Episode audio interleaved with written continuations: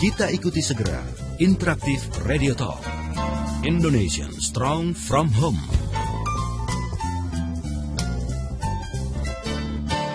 Indonesian Strong from Home bersama Ayah Edi, praktisi multiple intelligence dan holistic learning.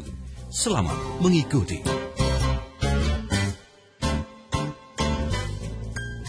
Halo Indonesia, selamat malam Smart Listener. Senang sekali saya Nancy Moko Ginta kembali bersama Anda dan menyapa Anda di program Indonesian Strong From Home bersama Ayah Edi. Dan yang pasti setiap selasa malam kurang lebih dua jam ke depan kita akan kembali mengulas uh, tema-tema menarik seputar keluarga kita bersama Ayah Edi dan Anda juga kami undang untuk bisa berinteraksi bersama kami di uh, 0213983388 pada sesi ketiga dan juga nanti Anda bisa langsung kirimkan pertanyaan Anda melalui SMS center kami di 0812 11 12 959. Kalau kita bicara soal anak, anak itu adalah perhiasan, anak adalah amanah. Oleh karena itu memang kita perlu uh, sebuah perhatian khusus, bimbingan, nasihat dan juga bahkan mungkin ada sebuah aturan main ya, bukan hanya di sebuah perusahaan. Tapi bagaimana kita membuat dan juga melaksanakan aturan main di rumah.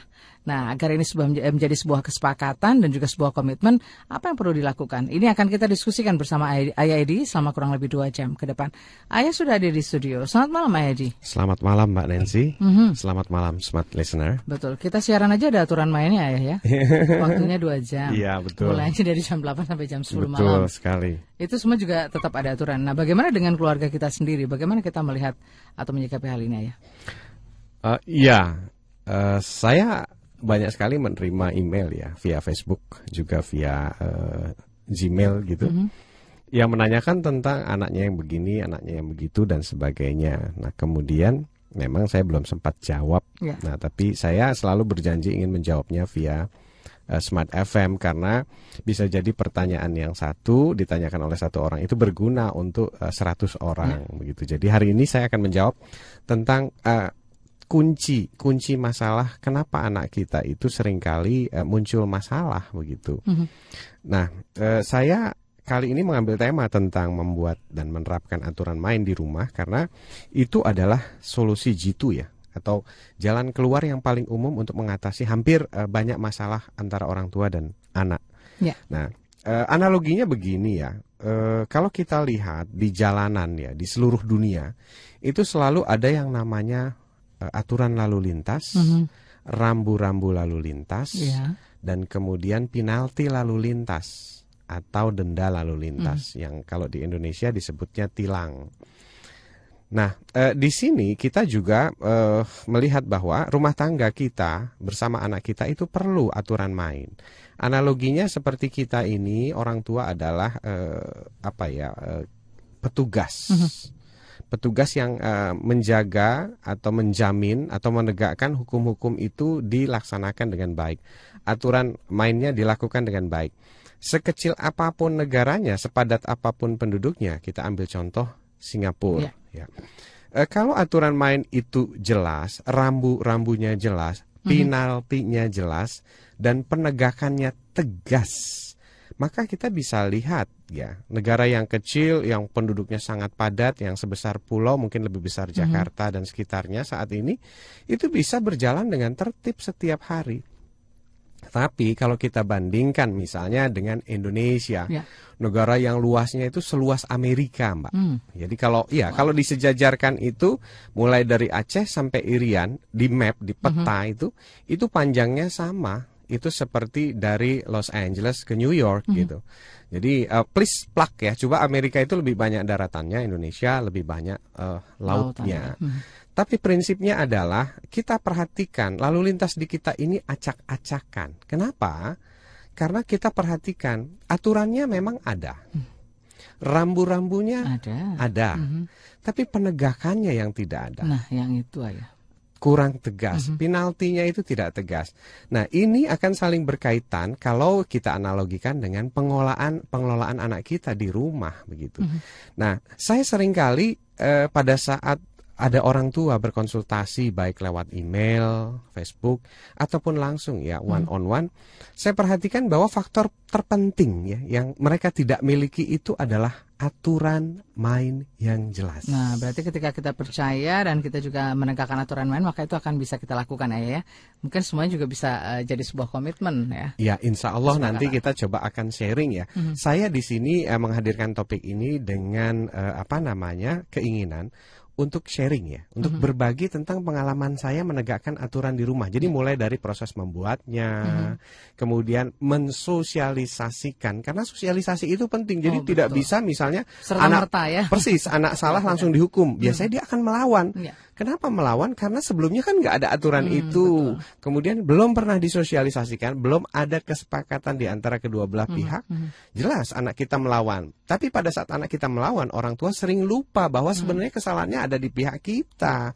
Nah, kita katakan anak kita suka melawan, Hmm. anak kita tidak tertib, sulit diatur dan sebagainya. Makanya hari ini kita bisa nanti ulas dengan lengkap bagaimana sih bersama ya. ya itu bisa berhasil. Betul. Bagaimana membuat dan juga melaksanakan aturan main di rumah dan ketika kita yakin dan percaya maka itu bisa kita lakukan bersama-sama ya. Eh, tentu ini kepentingan banyak hal ya, ya, banyak kepentingan banyak orang juga, orang tua dan juga keluarga. Seperti yang Persis. akan dilantunkan oleh Whitney Houston dan juga Mariah Carey lewat When You Believe. Penyanyi besar ya ya, dua diva Mm-mm. yang punya prestasi masing-masing, punya kekuatan masing-masing, punya keunikan sendiri-sendiri. Tetapi ketika mungkin mereka bersaing boleh eh, berbeda pendapat, tetapi ketika aturan main mereka harus nyanyi duet, ya harus ikut aturan main ya. Nggak Iya. boleh enggak gitu ya. Ya sebuah sebuah contoh culture eh, masyarakat yang sudah kesadarannya ada di tingkat dewasa ya. Mhm. Jadi mereka pada awalnya ceritanya kan Whitney Houston lebih dulu, Betul. kemudian muncul Mariah Carey dan mereka bersaing, mereka merasa ada eh, apa namanya direct competition. Mhm. Tapi suatu ketika mereka sadar bahwa kita ini unik, nggak pernah bisa sama. Saya nggak pernah jadi Mbak Nancy, Mbak Mhm. Nancy nggak pernah bisa, bisa jadi saya Iya. gitu. Jadi kenapa harus bersaing? Kenapa nggak kita sinergi?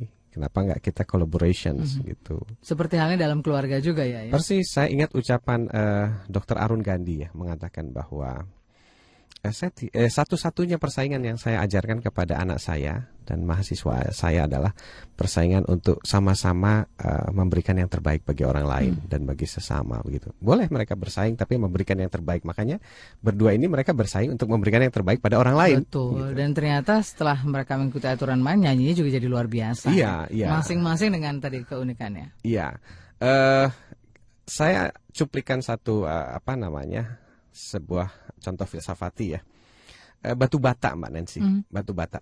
Kalau kita perhatikan mereka itu teratur rapi itu karena mereka tidak bersaing.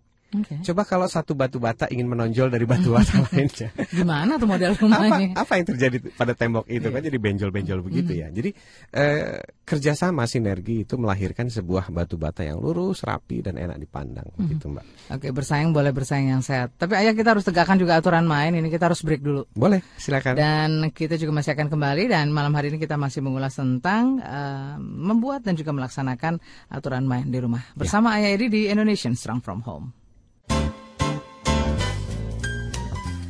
Ayah Edi masih bersama Anda dan kita eh, masih mengulas tentang membuat dan juga melaksanakan aturan main di rumah. Nah, Ayah, eh, ketika hal ini tidak bisa kita buat dan juga tidak bisa kita laksanakan, ini kembali lagi pada hal yang paling mendasar yaitu mungkin kita tidak konsisten atau mungkin ada hal lain yang eh, tentunya mendasari hal ini. Yang pertama begini, Mbak. Kalau di dalam satu daerah atau wilayah tidak ada aturan, Mhm. nah, oleh karena itu maka tidak ada orang yang melanggar. Oke. Iya, melanggar itu kan baru ada kalau ada aturan. Oh, dia melanggar aturan. Mhm.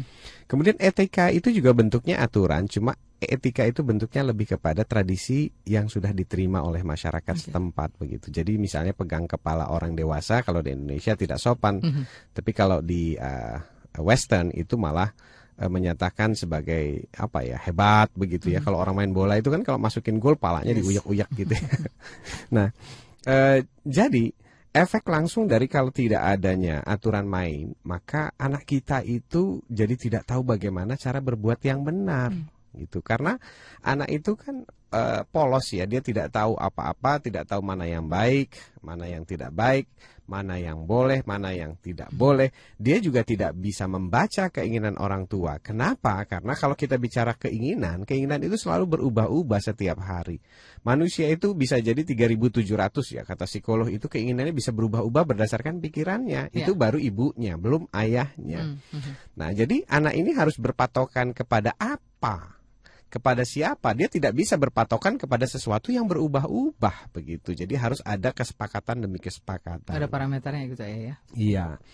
Nah, kira-kira seperti itu baru nanti dia bisa tahu bagaimana sih cara membuat apa e, berbuat baik di rumah ini. Bagaimana sih bisa e, tertib di rumah ini? Bagaimana bisa teratur? Dia bisa memahami mana yang boleh, mana yang tidak boleh. Mhm. Sedangkan kalau kita buat aturan main itu bisa nanti pasal-pasalnya itu jumlahnya ratusan sampai ribuan karena kan kita punya e, keinginan-keinginan tertentu yang ingin dicapai oleh anak kita dalam satu keluarga itu, Mbak Nancy. Oke, nah sebaiknya ayah diterapkan kapan ini yang tepatnya waktunya? Atau apakah sejak dini? Apakah mereka ketika mereka sudah mulai bisa berinteraksi? Saya pak- saya pikir sih kalau sudah dari kecil mereka memang sudah kita biasakan begitu. Apakah itu juga lebih tepat ayah? Eh, kalau kita bicara pada kapan ya, tatarannya kapan. Nah, tiap anak itu beda-beda eh, apa tumbuh kembangnya. Ya. Tapi patokan dasarnya adalah yang pertama, kalau seorang anak itu sudah mulai bisa memahami bahasa tubuh, Oke. Ya. Eh, dia belum bisa bicara. Kemudian dia juga mungkin eh, apa tidak bisa menangkap keinginan orang tuanya. Mhm. Tapi seseorang yang bicara itu biasanya memancarkan bahasa tubuh Ya. gitu. Jadi ada joke nih ya, ada seseorang yang eh, kebetulan sedang di sidang begitu. Apakah kamu terima uang gitu ya? Eh, dia bilang tidak, tapi palanya ngangguk-ngangguk. nah itu menunjukkan sebenarnya dia terima gitu, karena bahasa tubuhnya menunjukkan bahasa terima. Nah itu juga yang ditangkap oleh anak kita. Nah itu anak kita menangkap bahasa tubuh orang tuanya. Eh, misalnya gini, orang tuanya sudah melebarkan matanya, dia bisa tangkap oh ini tidak suka. Eh, kemudian kalau orang tuanya menarik eh, apa namanya dia punya mulutnya untuk senyum, ah, dia bisa nangkap ini. Oh ini boleh, ini tidak boleh dan sebagainya. Eh, hanya pada saat dia mulai memahami bahasa tubuh, kita juga perlu sadari di situ ada fase yang namanya egosentris. Ya. Ya, egosentris itu adalah sebuah software yang diletakkan oleh Tuhan untuk melawan orang tuanya yang terlalu sangat mengatur. Karena saat itu di dalam otaknya sedang tumbuh saraf-saraf dasar untuk kepentingannya dia nanti sampai 12 tahun itu tumbuh. Saraf-saraf dasar untuk kepentingan dia di kehidupan. Dia harus membentuk itu dulu saraf-saraf dasar. Makanya kalau kita perhatikan ya usia satu tahun sampai tiga tahun tuh masa egosentris yang paling kencang.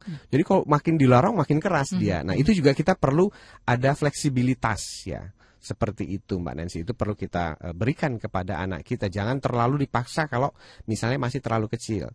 Rentang waktunya misalnya penerapan aturan itu setelah tiga tahun bertahap ya fleksibel bertahap nanti makin ketat makin ketat sampai usia tujuh tahun biasanya tujuh tahun itu sudah sangat memahami aturan main Jadi eh, tenggat waktunya 3 sampai dengan 7 tahun tadi adalah waktu yang eh, lebih ini ya. ya? Iya, Lebih itu ya? lebih memudahkan, lebih memudahkan. Kalau sudah lewat tujuh tahun misalnya, atau lulus SD SMP, aduh Mbak Nancy itu agak berat. Nanti Waduh. dia sudah mulai melakukan perlawanan. Cukup Kenapa? effort juga ya. ya? Persis.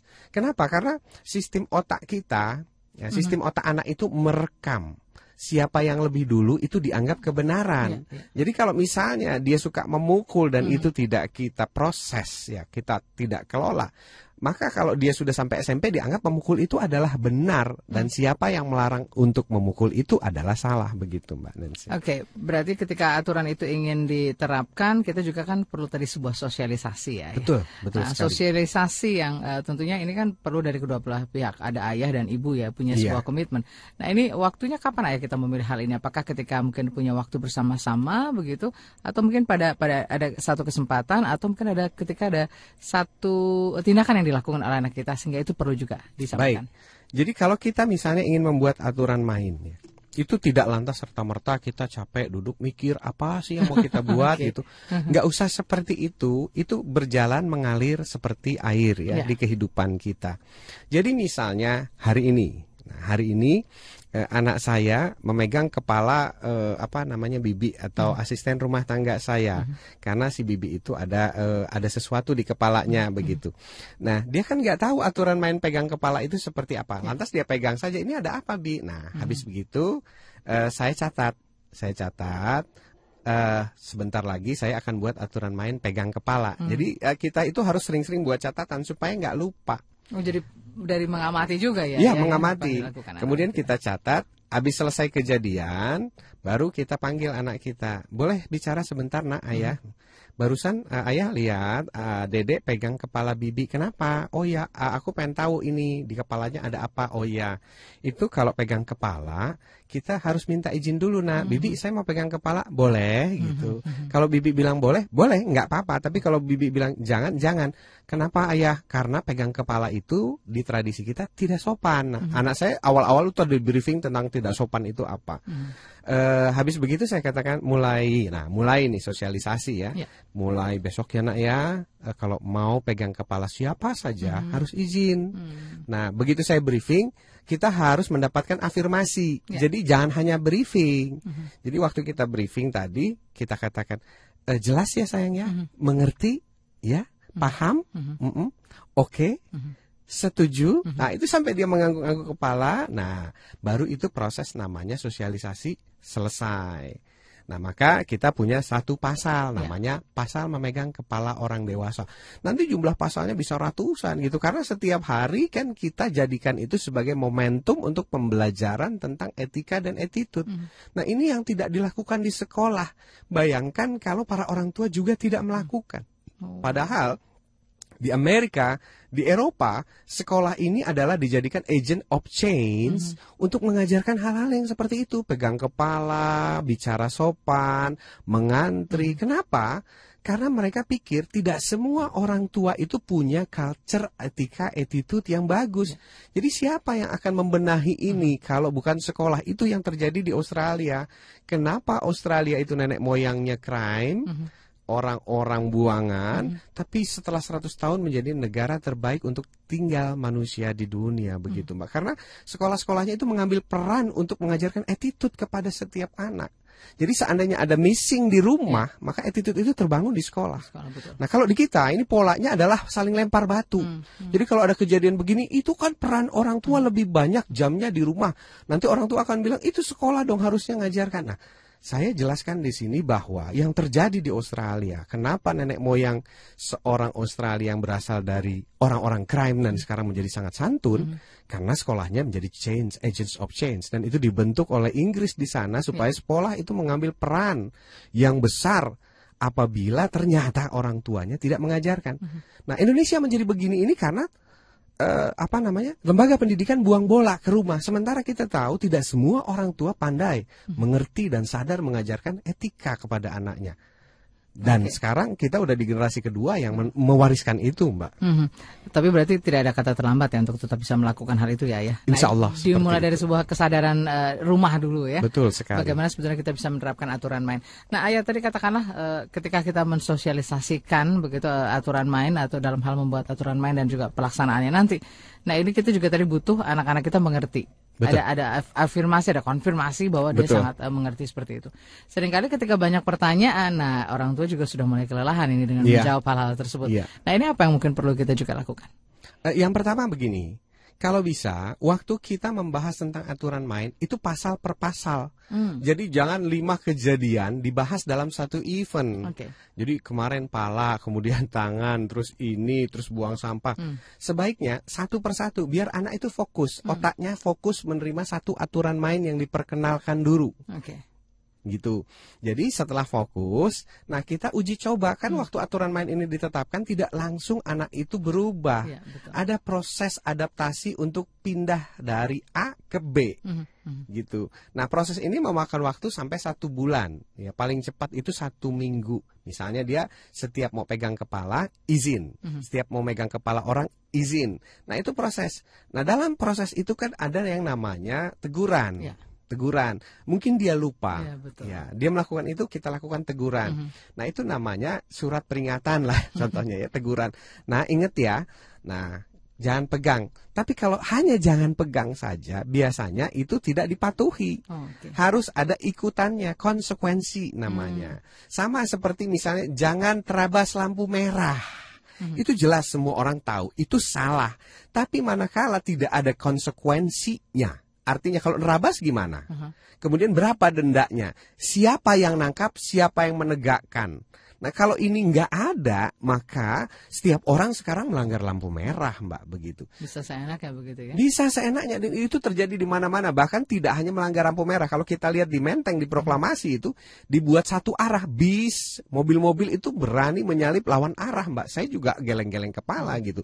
Ini di tengah Jakarta, di tengah metropolitan dan itu pun akan terjadi di rumah kita Ya. kalau tidak ada konsekuensi. Hmm. Jadi konsekuensi pertama sifatnya adalah eh, entah apa pun kita sebutnya reward and punishment, kalau saya menyebutnya konsekuensi.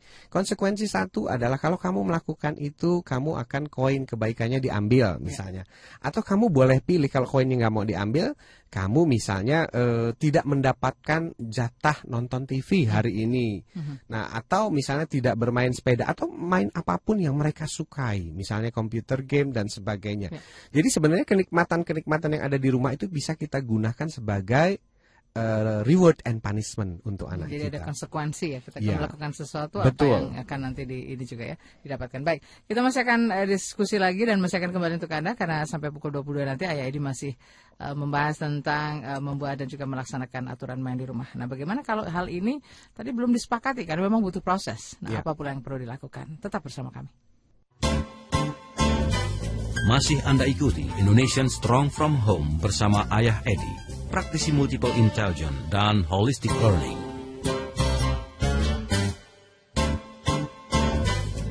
Ya, kita tetap konsisten eh, dan juga komit untuk mengulas tema membuat dan melaksanakan aturan main di rumah bersama Ayah Edi. Dan kita juga masih mengundang Anda untuk bisa berinteraksi. Kita buka kesempatan melalui line telepon 021398338888 atau di line SMS di 0812 11 eh, 12959. Kita balik lagi sebelum saya coba eh, ke SMS dan juga buka line telepon.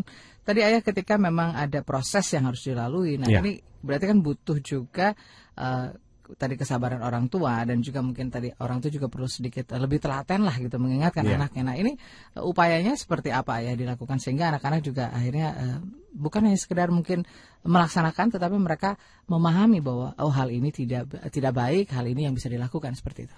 Baik.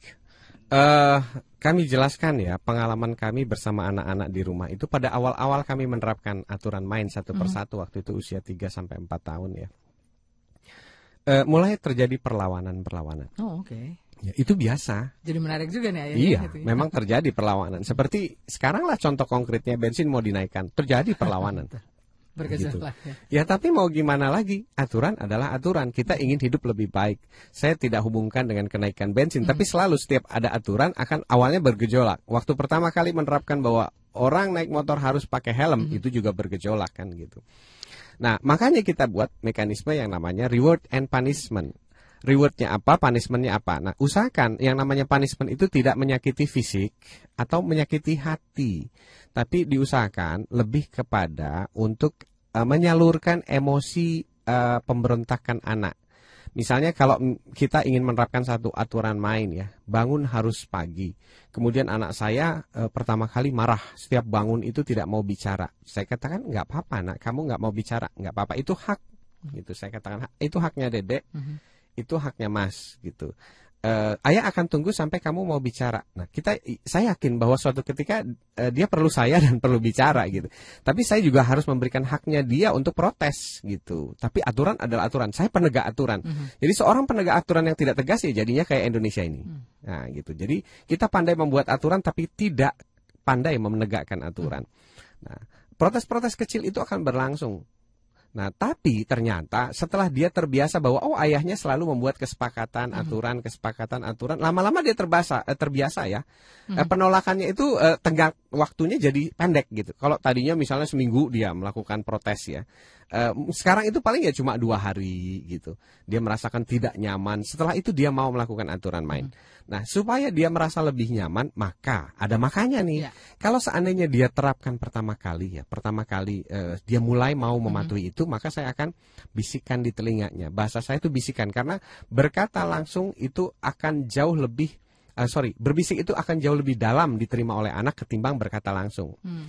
Eh, jadi setiap anak saya mulai mau melakukan aturan, misalnya bangun pagi, saya langsung bisik, hebat anak ayah hari ini. Ini anak yang paling hebat. Hari ini adalah hari paling hebat gitu. Dia dengar saya ulang-ulang ulang-ulang nanti terus saya bilang, "Ayah mau kasih reward apa ya?"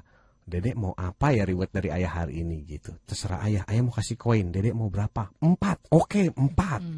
Empat untuk hari pertama mematuhi aturan ayah gitu atau aturan rumah kita.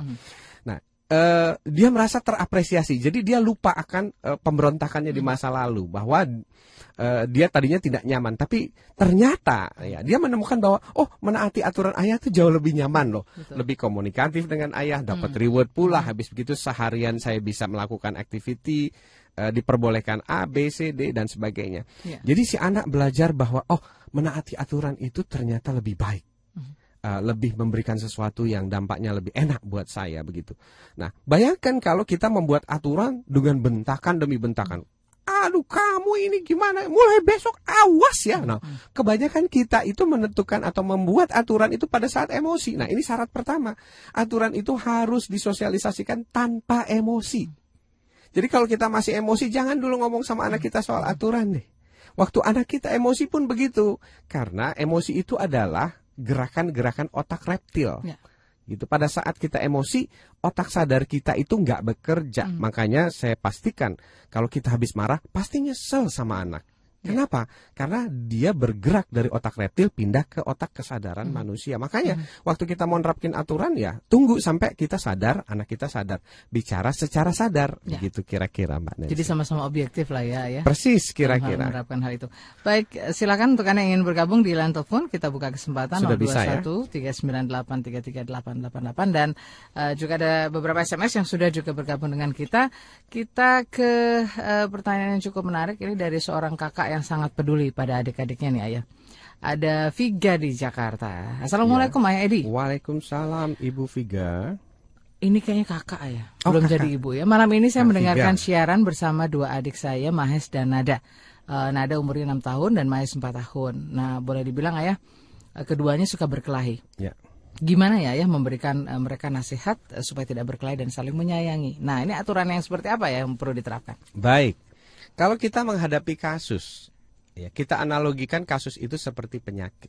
Ya, Nah, kalau kita ke dokter, dokter itu selalu memberikan dua kalau kita sakit. Yang pertama itu adalah obat atau terapis atau terapi, sorry. Yang kedua itu vitamin. Biasanya begitu kombinasinya, Iya. umumnya begitu. Sama juga kasusnya kalau adik kita berantem misalnya ya, Mahes sama Nada berantem. Yang pertama kita akan berikan obat, yang kedua vitamin. Nah, pertama kita bicara obat dulu. Apa Iya. obatnya? Obatnya membuat aturan main. oke. Jadi waktu anak saya, kakak sama adik usia beda satu tahun setengah berantem, maka yang harus dilakukan oleh kakak adalah menyelenggarakan pengadilan yang seadil-adilnya. Nah, Kak Viga jadi juri, Ya, jadi hakim. Kemudian datang eh, Mahes disuruh duduk. Oke, Mahes duduk sebelah kiri, Nada duduk sebelah kanan. Waktu kalian berantem ada saksi nggak? Kalau ada saksi, oke dihadirkan saksi Hmm. ceritanya. Nah kemudian kita kita kita tanya ini karena berantem itu eh, Kak Vega ya itu tidak selalu sama sebabnya. Jadi waktu kita memfollow up berantem itu harus satu pasal. Jadi berantem karena pasal rebutan mainan, berantem karena misalnya kakaknya mengganggu adiknya, Oh, itu iya, beda itu betul. beda Harus dibikin pasal. pasal dan ayat-ayatnya juga ya. Persis. Jadi berantem itu adalah efek akhir dari ketidakpuasan. Jadi efek dasarnya bisa atau penyebabnya bisa beda-beda. Persis seperti yang kita sebut kalau dalam ilmu apa namanya mungkin medis ya, pusing. Ya. Ah, pusing itu adalah akibat akhir dari sebuah penyakit, tapi penyebabnya beda-beda. Ah, kebanyakan uang pusing, enggak punya uang juga Oh, pusing. tambah pusing ya. Iya, kebanyakan tidur pusing. Eh, nggak tidur juga pusing. Jadi kita harus tahu sebab pusingnya ini apa. Baru nanti kita berikan obatnya jadi eh, cocok gitu. Kalau bahasa kedokterannya, kalau diagnosisnya tepat pasti obatnya pas Iya. dan cepat sembuh. Sesuai. Nah begitu juga tentang eh, Mahes dan Nada tadi. Nah kita minta misalnya mereka udah duduk, saya eh, Kak Viga ada di tengah, kemudian tanya siapa yang mau bicara duluan? Tanya siapa yang mau bicara duluan? Oke kalau nggak ada yang mau bicara kita tunjuk. Sekarang giliran Mahes bicara. Bagaimana tadi ceritanya? Urutan ceritanya. Kemudian nanti setelah dia cerita begini begini begini kita confirm ke Nada. Betul begitu? Mhm. Oh enggak, enggak begitu. Gini yang benar. Oke, baik. Kenapa berbeda? Di mana letak perbedaannya? Siapa yang mau menjelaskan? Jadi sampai mereka kita cek cek cek cek, cek sampai kejujuran, Mhm. akhirnya kita katakan, "Kamu jujur, Nak. Kamu tadi bilang begini, sekarang eh, mau berkata jujur." Itu kita puji, nanti kamu dapat rewards. Jadi dari anak saya berbohong waktu di proses pengadilan ini sampai dia mengakui, itu saya puji. Nah, saya katakan ini benar. Ya. Kamu berbohong, eh, apa namanya? Kamu jujur benar. Apresiasinya tiga koin. Tapi kamu melakukan kesalahan itu tetap harus dapat punishment. Jadi kadang-kadang dalam proses pengadilan eh, anak ini, saya memberikan reward sekaligus punishment. Jadi rewardnya untuk berkata jujur, punishmentnya untuk siapa yang memulai duluan. Nah, sampai terus itu kita lakukan dalam setiap kasus. Sekarang itu tinggal begini, Mbak saya sama anak saya. Dedek, Mas, kira-kira siapa ya yang harus minta maaf? Hmm. Jadi ujung-ujung dari semua itu kan kita tawarkan, kalian ingin saling menghukum atau mau minta maaf diselesaikannya secara damai. Dulu-dulu kalau mereka tidak puas saling hukum, oke hukum. Mas Ido misalnya harus masuk kamar mandi, oke masuk kamar mandi. Oke. Tapi lama-lama mereka sudah mulai menyadari sebuah kesalahan, jatuhnya sekarang minta maaf. Hmm. Nah, saya katakan mau minta maafnya sekarang atau nanti, mau pakai peluk atau tidak. Kalau pakai peluk tambah bonus koin dua. Mhm. Jadi anak saya tuh sekarang setiap ada kejadian duduk bareng, udah duduk. Siapa yang memulai? Nah, baru saya terapkan aturan berikutnya. Hmm. Kalau terjadi lagi kasus yang sama, apa? Supaya tidak lagi berulang kasus yang sama begitu Mbak Nancy. Mereka belajar ya dari apa yang sudah. Iya, itu kira-kira Kak Viga. Jadi kalau Kak Viga bisa membuat aturan, melakukan peradilan yang adil. Jadi anak kita itu sangat peka terhadap rasa keadilan. Nah, kalau itu adil, mereka akan teratur nanti. Dan mereka akhirnya mengerti begitu ya. mengerti, paham dan tidak akan lagi namanya berantem dengan kasus yang sama. Begitu kira-kira Nancy. Oke, untuk eh, Viga semoga eh, bisa membantu dan bermanfaat apa yang sudah disampaikan oleh Ayah. Kita juga masih buka kesempatan untuk Anda. Line eh, telepon, silakan yang ingin bergabung langsung atau juga di line SMS. Kalau di line SMS banyak sekali nih Ayah ya yang sudah bergabung. Tapi sebelumnya kita akan lewatkan dulu beberapa pesan berikut. Dan yang pasti kita masih akan kembali untuk Anda dengan ulasan membuat dan melaksanakan aturan main di rumah. Kita masih bersama Anda dan dari 95.9 Smart FM Jakarta masih di program Indonesian Strong From Home dan untuk Anda yang eh, tidak berada di jaringan maupun radio-radio sindikasi Anda bisa bergabung di website kami di www.radiosmartfm.com atau juga melalui streaming di www.radiosmartfm.co.id atau melalui eh, channel 507 Indovision. Kita sudah tersambung dengan beberapa penelpon yang ingin eh, diskusi dengan kita. Tema kita malam ini yaitu membuat dan melaksanakan aturan main di rumah. Selamat malam, Smart FM. Malam. Dari siapa di mana, Ibu? Halo, Mbak Nancy. Saya Ibu Erna, Mbak Nancy. Bu Erna di? Jakarta lagi di jalan nih. Oke, silakan Bu Erna. Ya, malam ayah. Selamat malam Bu Erna. Iya, ayah. Aku minta solusi. Kebetulan aku punya anak yang kedua ini umur 9 tahun. Sembilan namanya tahun. Kev- Kevin ya. Mm-mm. Aduh, kebetulan kan saya memang selalu pulang kerja malam ya ayah Oke, ya. ha-ha. Nah, di rumah dia tuh sendiri. Memang kebetulan kakaknya tuh sekolah pulangnya sore baru sampai di rumah saya. Di Usia rumah berapa kakaknya? Kakaknya 15 tahun. 15 tahun. Namanya? Nah, eh, Claudia. Oh, cewek ya. Ah, ah, yang satu lagi tiga tahun namanya Nata. Oke. Ah, ah, jadi kalau pagi saya tuh titipin si Nata ini dengan mama gitu loh. Oke. Karena di rumah saya nggak ada orang nasi. Kevin ini mandiri, jadi pulang Bu sekolah. dia- Erna full parent atau single parent? Ah, saya single parent pak. Single parent. Oke. Ah, ah, ya, ayah saya single parent. Jadi ya maklum lah semua harus saya lakukan sendiri. Betul. Nah, yang jadi masalahnya si Kevin ini hobinya nonton TV. Ini yang dari pulang sekolah sampai malam itu selalu full time di TV. Mhm. Oke. Walaupun sudah saya kasih yang namanya time schedule harus ngapain. harus Boleh ngapain. tanya Bu Erna? Silakan. Ibu bekerja atau bisnis sendiri? Saya bekerja, Pak. Bekerja, saya oke. bekerja. Saya seorang marketing, eh, saya marketing, jadi saya kerja berangkat jam 6 pagi, saya pulang jam 8 ini saya masih di jalan, baru Oke. sampai rumah sebentar lagi gitu loh. Mm-mm. Iya. Nah, ini kendalanya, jadi kakaknya biasa pulang jam 4, baru bawa Oke. adiknya pulang. Nah, Mm-mm. itu yang untuk agak susah. Apalagi sejak perpisahan saya dengan papahnya. Berapa tahun yang lalu? Setahun yang lalu, Pak. Oke, baru setahun ya. Iya, setahun yang lalu. Nah, ini yang buat saya agak repot untuk si Kevin ini, Pak. Karena Oke. masalahnya di rumah dia tidak ada yang kontrol. Walaupun kalau kita ngomong dia baik-baik aja. Bo- anaknya. boleh cerita Kevin sedikit eh, seperti apa profilingnya anaknya? Ah, anaknya kan cukup pendiam, Hmm. ya eh, komunikatif sih, hanya dia jarang main karena memang Oke. saya tidak mengizinkan dia untuk bermain terlalu jauh. Di antara tiga anak itu siapa yang memimpin? kakaknya Claudia, dan adiknya, dan adiknya. adiknya yang tiga tahun ini. Ah, ah, adiknya tiga Oke. tahun sangat-sangat dominan Oke. dan Mhm. kakaknya sangat dominan. Mungkin itu masalahnya. Oke. Tolong ayah karena untuk masalah untuk pelajaran dan sebagainya. Oke, Oke. baik sudah ditangkap pesannya. Nanti kita akan coba diskusikan. Tapi sebelumnya saya eh, masih terima dulu penelpon Boleh, berikutnya ya. silakan. Selamat malam, Smart FM. Iya, halo selamat malam. Selamat malam dari siapa di mana Ibu? Dari Ibu Emi Balikpapan. Ibu Emi Balikpapan. Ya. Silakan. Nah, selamat malam Nancy, selamat malam Eh Edi. Ya, selamat malam Bu Emi. Ya. Ini ayah saya mau tanya, Mm-mm. tadi kan ayah jelasinnya eh, untuk di lingkungan keluarga. Ya. Ini kalau macam di lingkungan masyarakat kan paling dekat Mm-mm. tetangga ya, Mm-mm. ayahnya. Soalnya kemarin sih anak saya main kan, tapi masih di rumah ya, ayah dalam rumah saya. Mm-mm. Terus didorong, jatuh sampai retak yang sampai harus digigit. Mm-mm. Itu penerapannya gimana ya? Saya masih bingung. Oke. Jadi, eh, eh, mungkin mohon pencerahannya itu aja ya. Iya. Baik, terima kasih Bu Emi. Ya, selamat malam. Kita langsung saja ya ke Bu Erna. Nah, bagaimana nih aturan main yang harus diterapkan di tempatnya Bu Erna dan juga Bu Emi ini? Eh, iya Bu Erna, eh, eh, saya jelaskan begini. Kalau kita single parent, otomatis bebannya jadi double ya Bu ya. Jadi kalau ngangkat botol dua ya kita sendirian gitu. Nah jadi begini, saya mengikuti eh, mempelajari juga apa yang terjadi di eh, apa namanya budaya Western. Kita punya Eastern culture, punya Western culture. Kalau di Eastern culture itu eh, orang tua pada umumnya tidak ingin eh, membebani anak dengan permasalahan orang tua. Ya. Itu culture-nya. Eh, kalau di barat tidak. Anak-anak itu sejak kecil sudah diperkenalkan tentang masalah-masalah yang dihadapi oleh orang tuanya. If we are a single parent, kalau kita full parent seperti apa, terus kehidupan sehari-hari schedulingnya seperti apa. Nah, eh kalau boleh ini eh, saran ya Bu ya. Ibu coba ikuti culture yang namanya eh, Western culture ya. Saya menggunakan itu di rumah Western culture. Saya selalu menceritakan masalah-masalah saya, beban saya, hidup saya, eh, problematik saya. Anak saya mendengar gitu, Eh, supaya dia belajar tentang kehidupan orang tuanya.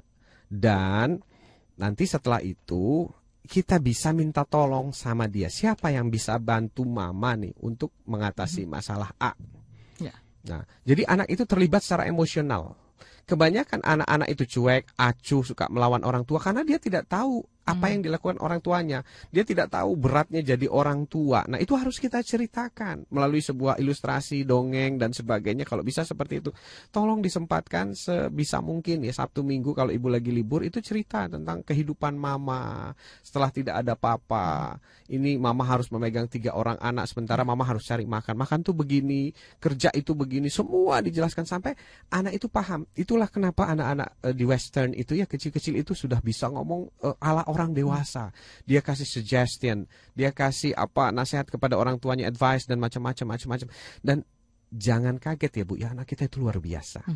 Hanya kenapa mereka begitu? Karena mereka diperlakukan seperti anak kecil. Mereka dibimbing, mereka di ini, mereka di itu, disuapi. Kemudian dicegah untuk mengetahui permasalahan orang dewasa. Di situlah mereka tidak terlibat. Involvement mereka kecil. Semakin involvement mereka kecil, semakin dia tidak merasa punya tanggung jawab. Nah, coba ibu lakukan itu. Misalnya, cuma bicaranya eh, ada dua ada dua tipe ya. Yang pertama itu one on one. Misalnya kita dekati dulu Claudia. Claudia begini loh masalah mama. Sampai si sulung itu memahami betul peran dia sebagai si sulung. Misalnya kamu bisa nggak ya menggantikan peran papa dalam masalah ini ini ini ini. Kalau nggak bisa nanti tawarkan pada yang kedua, yang ketiga. Terus nanti kita bicara bareng. Habis bicara one on one kita bicara bareng bagaimana tiga anak ini menjadi satu tim dalam rumah. Begitu. Nah, kemudian setiap pulang ibu akan sharing. Siapa yang mau cerita hari ini? Ada masalah apa hari ini? Nah, di situ ibu berperan sebagai juri yang adil. Kemudian juga sebagai konsultan bagi mereka bertiga. Nah, Ya. eh, itu yang yang yang saya sarankan kepada klien-klien saya yang single parent dalam mengatasi anak. Nah, setelah ibu wawancarai mereka bertiga, baru ibu masuk ke area membuat aturan main. Mhm. Aturan mainnya begini. Nanti tanya mereka siapa yang hari ini melanggar aturan main. Apa konsekuensinya? Jadi seperti itu, Bu. Kita rangkul mereka, kita jelaskan tentang real life itu seperti ini supaya mereka punya tanggung jawab, punya keterlibatan emosional. Nanti Ibu lihat eh, hasilnya sangat berbeda. Dulu ada orang tua yang eh, datang ke saya, dia bertanya, "Saya mau divorce, apakah saya kasih tahu anak saya atau tidak?" Nah, nasihat saya libatkan. Oke. Sampai akhirnya anaknya bilang begini, Bu. Mama, saya sudah sarankan mama untuk melakukan ini ini tapi papa tidak berubah. biar kita tidak udah tidak tidak usah punya papa dan aku yang gantiin fungsi papa di rumah ini. Sampai nangis ibunya begitu. Itu karena kita merangkul dia melibatkan dia mendewasakan dia dalam cara berpikir Oke, jadi mereka juga diberikan kesempatan ya, ya, eh, memberikan pandangannya dan juga Persis. mungkin eh, latihan Persis. kemandirian tadi. Iya, memang bentuk anak-anak kita itu secara body kecil, tapi secara mind, secara nurani, secara pikiran mereka smart, mereka sangat sangat empati pada orang tuanya. Hanya asal dilibatkan. Ya. Begitu kira-kira Mbak Nancy. Oke, yang menarik tadi dari ayah bahwa ada beberapa eh, mungkin katakanlah cerita atau pengalaman kehidupan kita yang perlu di-sharekan dengan mereka. Ya. Nah, ini hal mana yang memang eh, betul di-sharekan ataukah eh, memang perlu juga dipilah-pilah dengan eh, setidaknya cara mereka memahami dan juga mengerti apa yang kita maksud. Begini, waktu saya men-share pada anak saya tentang problematik saya, kita harus sabar karena mereka tidak tahu istilah-istilah. Eh, problematiknya lebih di kesabaran menjelaskan ini istilah ini maksudnya apa. Oke. Terus kejadiannya persisnya seperti apa. Tapi lama-lama mereka paham. Nah, kalau saya sih menganut bahwa semakin mereka paham the real life, semakin saya terbuka pada mereka, semakin mereka terbuka pada saya. Oke. Semakin mereka empati pada saya. Oh, kayak tadi berangkat gitu. Nah, ayah hari ini harus siaran, nak gitu. Saya mau istirahat boleh sebentar, nak gitu. Karena nanti eh, jam sekian ayah harus berangkat. Oke, silakan, ayah. Selamat istirahat. Nah, itu ucapan-ucapan dari anak yang dilibatkan. Kalau kita nggak cerita tentang apa-apa, ih kok ayah diajakin main nggak pernah mau sih, kan begitu. Karena mereka nggak tahu apa yang dilakukan ayahnya begitu. Iya. Saya sampai bilang nanti malam coba dengerin ayah nih siaran ya nak ya, supaya dia tahu bahwa ayahnya itu jujur gitu, memang pergi untuk siaran. Iya. Begitu Mbak Nancy. Oke, Bu Erna, semoga ini juga menjawab ya dan bermanfaat. Kita ke Bu Emi. Nah, Bu Emi sendiri tadi eh, bilang bahwa kan kalau di lingkungan keluarga mungkin itu akan lebih memudahkan kita. Tetapi ketika ada lingkungan eh, ketiga atau masyarakat, nah ini bagaimana eh, aturan main kita bisa terapkan ya? Ah, di di sini agak sulit ya kalau kita bicara Indonesia. Eh kita ibaratkan bahwa rumah kita ini adalah negara. Ya, Jadi kalau misalnya tetangga anak tetangga kita itu udah negara tetangga, betul. Daerah perbatasan. daerah perbatasan. Jadi sulit sekali kita eh, apa namanya mengatur anak tetangga karena dia punya kepala negara sendiri kecuali kepala negaranya kooperatif ya. Seperti itu. Itu problematiknya. Eh kalau saya ambil komparasi misalnya, kita tinggal di luar negeri ya, di Australia atau di Amerika gitu ya. Eh, kebetulan saya pernah tinggal di sana, Bu. Di sana peran-peran untuk proses hubungan antar negara Ya. itu diambil alih oleh polisi. Jadi misalnya begini ya, eh, tetangga A sama tetangga B nih eh, berdampingan. Nah kemudian anak tetangga B itu melakukan aturan-aturan etika-etika yang tidak baik. Nah kita itu bisa lapor 911 dan 911 itu akan memfollow up itu. Jadi polisi di sana itu menangani masalah mulai kriminal sampai keluarga. Ambil contoh kalau misalnya kita punya tetangga, dia nyetel musik kebesaran, saya tinggal telepon 911 aja, saya merasa terganggu. Dan itu menurut aturan etika umumnya memang mengganggu. Maka 15 kemudian eh, 15 menit kemudian eh, polis akan datang. Nah, itu adalah eh, pihak ketiga yang menegakkan aturan di lingkungan. Nah, kita nggak punya itu. Kita nggak punya itu, makanya sering antar tetangga berantem. Oh, ya. Si A si B karena si A merasa benar, eh, ini radio-radio saya loh mau nyetel gede mau apa loh gitu kan. Nah, sementara si B merasa terganggu. Akhirnya mereka berantem. Nah, harusnya ada pihak ketiga yang menegakkan bahwa aturan nyetel radio itu ya didengar kuping sendiri, jangan mengganggu tetangga. Nah, di situ problematik kita. Makanya salah satu jalan keluarnya adalah kita tawarkan sama anak kita eh kamu masih mau main sama dia? Kalau saya di rumah begitu. Anak saya biasanya akan tahu nggak lagi mau main sama dia. Satu. Atau yang kedua, mungkin kalau terlalu crowded di lingkungan itu eh, kalau saya pindah rumah ya Mbak, saya udah tiga kali pindah rumah itu mencari eh, wilayah yang ah, lebih kondusif lah bagi anak-anak. Karena rumah itu bukan investasi, investasi itu anak. Ya. Ya, jadi kalau anak kita sampai besar itu bersama kita, tapi kalau rumah besok jual, sekarang beli, sekarang pindah, besok pindah, that's no problem gitu. Buat saya loh gitu. Iya. Tapi tapi ya nggak tahu ya pandangan orang lain, tapi buat saya rumah bukan investment. Keluarga saya investasi. Anak-anak saya adalah investasi. Karena mereka selamat, ya kenapa saya harus tinggal di tempat yang tidak baik? Pengaruhnya buat mereka Kalau begitu. kita bisa memilihkan yang lebih Ya, ini baik ya. ya, tapi kita coba sesuaikan lah dengan kondisi kita begitu. Oke, baik. Terima kasih untuk Bu Emi di Pekanbaru dan kita juga eh, masih ini ya ya menginvestasikan waktu kita untuk uh, Smart Listener di mana pun berada. Masih ada satu jam berikutnya dan yang pasti kita juga masih mengundang Anda untuk bisa berinteraksi.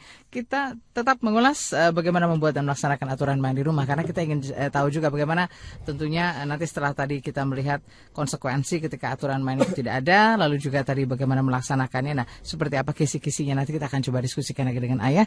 Pastikan Anda tetap bersama kami di Indonesian Strong From Home. Line telepon maupun line SMS masih kami buka untuk Anda yang ingin berinteraksi. Tetap bersama kami. Masih Anda ikuti Indonesian Strong From Home bersama Ayah Edi, praktisi multiple intelligence dan holistic learning.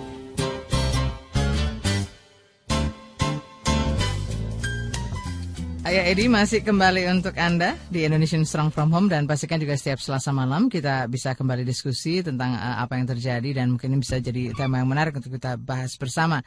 Kita masih uh, diskusi tentang membuat dan melaksanakan aturan main di rumah. Nah, Ayah agar ini bisa tetap ditegakkan begitu. Uh, tadi setelah kita buat lalu kita laksanakan. Nah, ini uh, bagaimana peran Ayah dan Ibu? Katakanlah ini uh, dari keluarga yang utuh uh, punya komitmen Ya. agar aturan itu tetap bisa dilaksanakan begitu dan anak-anak juga uh, tentunya bisa mematuhi aturan itu. Ya, eh, yang pertama kita mau nggak mau harus kompak, Oke. satu kata antara ayah dan ibu. Mhm. Artinya satu kata begini, kalau misalnya eh, apa Bunda Nancy lah dengan Yes. ayah Edi gitu, kalau Bunda Nancy bilang eh, tidak makan es krim ya, eh, ayahnya jangan bilang begini, nggak apa-apa lah Bun, es krim kan sehat dari susu. Gitu. Nah kalau sudah begitu, itu aturan main nggak akan jalan. Oke. Harus satu kata. Nah, kalau misalnya kita nggak setuju, kita diam aja. Terus nanti kalau pulang kita bilang, Bun kenapa sih tadi nggak boleh es krim? Nah, karena Bunda pasti punya alasan kan. Nanti begini batuk dan sebagainya. Oke, itu sugesti atau fakta. Gitu. Kan komponennya adalah susu dan sebagainya. Kenapa sih? Gitu. Oh tadi karena anak-anak belum sarapan. Oh oke, I see gitu. Jadi kan lebih enak reconcile. Tapi seandainya misalnya bundanya yang salah, begini begini begini begini begini gitu. Kita jangan tegur bundanya. Hmm, Tidak langsung serta merta di depan Iya, anak-anak. kita colek aja, kasih tanda bahwa hati-hati loh salah gitu. Hmm. Terus nanti udahannya sama kayak tadi. Tadi kenapa sih begini? Oh karena begini-begini. Nah nanti setelah bundanya sadar bahwa dia tadi melakukan kesalahan, jangan ayahnya yang mengkoreksi. Oh. Biarkan bundanya minta maaf. Mhm. Kenapa? Harga diri seorang bunda harus dijaga. Harga diri seorang ayah juga. harus dijaga. Dalam buku saya ditulis, anak itu nggak akan taat aturan kalau ibunya bilang nanti ya, awas ya kalau kamu nggak mau nurut, bilangin sama ayah. Wah sudah hancur itu. Artinya kamu nggak punya otoritas. Anda tidak punya legi- eh, apa legitimasi untuk melakukan action. Hancur. Dan itu menjadi kebiasaan loh orang tua. Makanya saya tulis 37 kebiasaan orang tua yang membuat anaknya susah diatur. Salah satunya. Salah tadi. satunya itu. Nanti ya bilangin sama papa awas loh. Hmm. Nah, sama juga begitu. Kalau papanya bilang, kalau misalnya mamanya yang penegak aturan, Hmm. nanti awas ya kalau mama pulang, papa bilangin sama papa. Udah, papanya nggak akan di eh, apa namanya nggak akan dihormati gitu. Wah ini orang sih nggak nggak legitimate nih. Ngomongannya nggak bisa dipegang, nggak bisa ngambil action apa pun. Sama juga begitu penegak aturan misalnya eh, di lapangan begitu. Kalau dia hanya bisa membuat aturan tapi nggak bisa ambil action. Nah itu percuma. Coba kita perhatikan ya. Eh, di Singapura, kalau kita lihat di TV lah, kalau kita nggak sempat ke Singapura, itu polisinya badannya nggak gede-gede loh mbak. Ada yang kacamatanya tebel, kecil gitu, nggak, jadi nggak nggak menakutkan, nggak sangar gitu. Tapi kenapa? Karena dia legitimate, dia di, di apa di backup oleh negara. Jadi Singapura itu membackup, negara Singapura itu membackup para polisinya untuk menghukum siapa saja yang melanggar tanpa terkecuali. Mereka pakai CCTV Ya. Gitu. Jadi walaupun badannya kecil, kacamatanya tebel, tidak kira-kira kalau misalnya dicolek aja jatuh gitu, tapi karena dia membawa eh, apa namanya legitimasi negara, Hmm. makanya dia ditakuti atau dihormati begitu. Jadi itu yang penting bahwa seseorang pembuat aturan itu harus legiti- legitimate dan orang tua itu harus kompak. Suami dengan istri harus kompak. Kalau sudah nggak kompak sudah ruwet. Makanya dalam parenting saya selalu menyarankan tolong please ajak suami. Ajak suami kalau ibu-ibu biasanya lebih Yes. banyak hadir ya. Ajak suami. Kalau saya dua-dua sudah suami datang sama istri biasanya akan dapat door prize. Akan ya, ada ini ya karena itu sebuah ekspektasi, sebuah harapan besar bahwa keluarganya akan jauh lebih baik kalau uh, mereka datang berpasangan. Betul, jadi aturan main ditegakkan ya dimulai dari eh, siapa pembuat aturan tadi ya, bagaimana komitmennya ya, Iya. ayah dan ibu. Iya kalau misalnya di jalan lah satu misalnya satu petugas bilang tahan, satu bilang lepas kan gimana? Oke. Nah, begitu kira-kira. Akhirnya mungkin aturan itu buat dilanggar ya. Kira-kira begitu. Kita ada penelpon lagi ya, ya. Kita terima terlebih dahulu. Selamat malam, Smart FM. Malam, Iya, dari siapa di mana Pak? dengan Robert di Pekanbaru. Pak Robert di Pekanbaru. Silakan Pak Robert. Begini, ayah, malam, malam ayah. Iya selamat malam Pak Robert, Jadi silakan. eh, saya kan seorang wakil kepala sekolah gitu ya. Maaf, Boleh suaranya lebih keras wakil kepala sekolah gitu Pak ya? Ah, wakil kepala sekolah baru-baru ini di sekolah ada sebuah kejadian Iya. Mm-mm. di mana eh, murid favorit kami itu menjalin hubungan pacaran dengan teman sekelasnya. Oke. Aha, udah sekian lama kami pantau dia membawa efek yang positif terhadap si laki-laki, di mana prestasi naik juga rajin gitu kan. Mm. Baik. Tapi terakhir ini terbongkar lagi kasus mereka bertindak di luar daripada batas etika masyarakat kita. Mm, Oke. Oke. Nah, setelah kita proses, setelah kita proses dengan fakta-fakta bukti yang ada, mereka mengakui, oke itu memang benar mereka ada lakukan begini-begini segala macam mereka semua sampai mereka buat pemeriksaan. Mhm. Nah, perjanjian dari pimpinan suaranya sekolah dengan mereka, ada perjanjian dari pimpinan sekolah dengan mereka, itu kita eh, tutup masalah ini tidak diberitahukan ke orang tua. Oke. Oke. Oke, sayang sekali terputus ya, ya. Nanti mungkin bisa diskusi lagi. Tadi ada beberapa poin bahwa ada murid favorit yang tentunya ini bisa menjadi contoh dan teladan, tetapi ternyata ada beberapa hal yang dilakukan sehingga itu juga mungkin uh, bisa mencoreng ya, ya. Uh, dikatakan murid favorit tadi. Nah, apa yang mungkin bisa dilakukan oleh pihak sekolah? Tadi sudah diambil sebuah kesepakatan dengan murid tersebut untuk tidak uh, mungkin dia sudah punya sebuah aturan main atau ada komitmen sehingga mungkin tadi anaknya tidak dilaporkan ke orang tua dan lain sebagainya. Apakah ini sudah tepat tindakan sekolah seperti ini? Baik. Yang pertama begini Pak Robert. Eh, ini blessing in disguise ya. Pak Robert adalah seorang wakil kepala sekolah. Jadi powerful lah untuk membuat perubahan di sekolah. Anak-anak kita itu berbuat seperti itu karena dia tidak tahu dan tidak pernah belajar atau sekolahnya tidak pernah mengajari, tidak ada kurikulum yang mengajarkan cara berpacaran yang sehat, yang santun dan terhormat. Saya pernah melihat ada anak pacaran terhormat. Kemudian saya cari orang tuanya dan kebetulan ngobrol. Jadi orang tuanya itu begini, Nak, udah punya pacar belum? Sudah ayah, oke. Ayah senang sekali kamu sudah punya pacar. Kamu bisa nggak jadi kayak papa nih. Kenapa pak? Papa ini kalau pacaran nak jaga harga diri. Jadi bukan dilarang pacaran anaknya, tapi di backup pacarannya dengan memberikan masukan-masukan positif dan contoh-contoh apa yang dilakukan papanya. Nih nak, kalau kamu pacaran ya pertama nih datang ke rumah ketok pintu ucapkan salam, jaga harga dirimu nak. Kalau kamu masih mengaku anak papa, ingat jangan lupa beri salam. Setelah beri salam duduk di depan, tidak boleh masuk nak. Jam sekian ingat nak, itu kehormatan kamu nak. Papa dulu melakukan itu sama mamamu. Jadi dilatih. Jadi dia punya pattern, dia punya contoh. Oh pacaran tuh begini ya. Nah, kalau kita tidak melakukan pelatihan pacaran di sekolah, orang tuanya tidak melakukan pelatihan pacaran bagi anaknya, etika pacaran, maka yang terjadi adalah dia mencontoh di sinetron itu, Pak. Coba Bapak lihat sinetron ya, saya kasih namanya satu cinta cena cenut, kemudian putih abu-abu. Perhatikan, itu pattern buat anak kita dan itu nggak ada yang beres caranya.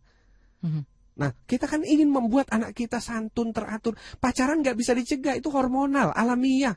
Saya katakan siapa yang sudah 15 tahun dia pasti naksir cowok. Yang cewek, eh, yang cowok akan naksir cewek. Kalau itu nggak naksir jauh lebih berbahaya, gemeteran saya pak. Nah, itu yang pertama. Yang kedua, sekarang masalahnya sudah terjadi dan ternyata sekolah memaafkan itu semua. Satu. Setelah memaafkan, jadikan itu pelajaran buat kita bahwa jangan sampai terjadi lagi. Saya akan menerapkan di sekolah saya di Pekanbaru ini satu kurikulum yang namanya ekstrakurikuler briefing tentang pacaran yang sehat. Jadi semua anak-anak ini punya pattern contoh dari sekolahnya oh, pacaran yang sehat seperti ini. Itu masukkan ke dalam rapot. Kalau saya punya sekolah saya akan lakukan itu nanti di SMA saya begitu. Ya. Karena saya ingin mereka melakukannya dengan benar. Bukan melarang, nggak bisa dicegah. Saya jamin lah kalau dicegah malah bahaya nanti jalan belakang itu. Nah, Malah sembunyi-sembunyi ya, ya. mengenai tidak menye- uh, menceritakan kepada orang tua itu adalah uh, pilihan, pilihan bapak, pilihan sekolah dan sebagainya. Tapi saran saya lebih baik orang tuanya didekati, diajak bicara. Kalau kira-kira orang tuanya demokrat dan tidak otoriter, lebih baik diberitahu supaya tidak terjadi kesalahan pada pihak sekolah.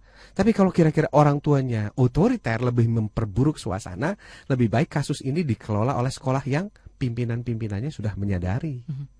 Oke. Itu pendapat saya, Pak. Baik, Pak Robert, terima kasih eh, diskusinya. Kita sudah ada penelpon lagi ya. Baik, silakan. Kita sapa dulu. Selamat malam. Ya, selamat malam. Iya, dari siapa di mana Ibu? dengan Rindang di Bogor. Ibu Linda. Rindang. Oh, Ibu Rindang di Bogor. Silakan Ibu. Iya. Selamat malam, Edi. Selamat malam Bu Rindang. Iya, ayah, eh, ini saya tadi eh, menyambung per, apa pernyataan ayah kalau orang tua itu harus satu kata. Ya. Oke. Iya. Nah, eh, kalau misalnya kami kan kebetulan bekerja nih dua-duanya. Oke, working Iya. parent ya.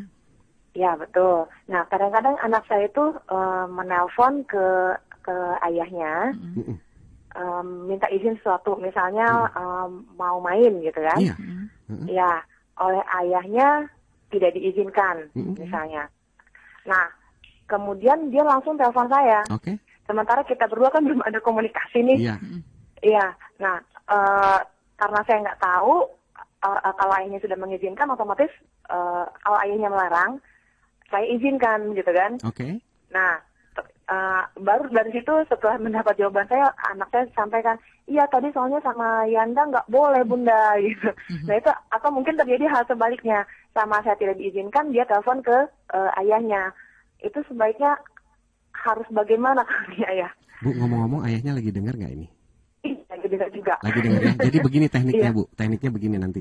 Kalau anak ibu telepon ya, Bu boleh main Iya. begini nggak? Oh sebentar ya, Mama lagi ada tamu. Mhm. Halo? Iya. Ya, Mama lagi Iya. ada tamu. Nah, nanti Mama telepon balik.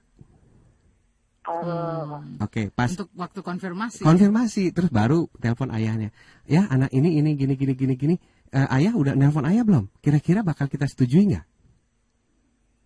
Ah, baru nanti udah kompak, baru ibu telepon. Eh, gimana tadi ceritanya? Hmm. Ah, kayak gitu. Itu teknik yang paling sederhana, Bu. gitu ya, ya. ya. Iya, nanti habis gitu ibu kompak terus. Pokoknya entah ada tamu, tapi jangan tamu terus ya Bu. Nanti oh mama ada tamu terus nih gitu. Pokoknya ya variasi lah, ada tamu, ada meeting, ada rapat, ada apa segala macam kan bisa. Iya. Dan itu nggak kelihatan kan kalau di TV baru kelihatan kan? Iya. Gitu. Habis begitu nanti ibu kompak terus. Oke. Nah, kalau udah kompak udahlah asik Bu mendidik anak itu. Salah Asik satu bener. menyiasatinya seperti itu ya. Iya, ya. parenting saya aja sampai sayanya pingsan Bu, kecapean ngasih parenting gitu sampai lupa waktu. Saking Iya, asiknya iya. pesertanya pada nggak mau pulang tuh Bu. Iya, ya. Iya, oke, Baik. gitu kira-kira Bu Rinda. Terima kasih Bu Iya, Rindang. Terima kasih ayah. Terima Ya, kasih kembali. selamat malam. Semoga bermanfaat dan sukses eh, untuk ini ya. Ya. Tadi eh, apa namanya? Kompak. Kalau kekompakannya ya, mudah-mudahan sukses dari- belajar dari tadi Iya. kasus tadi.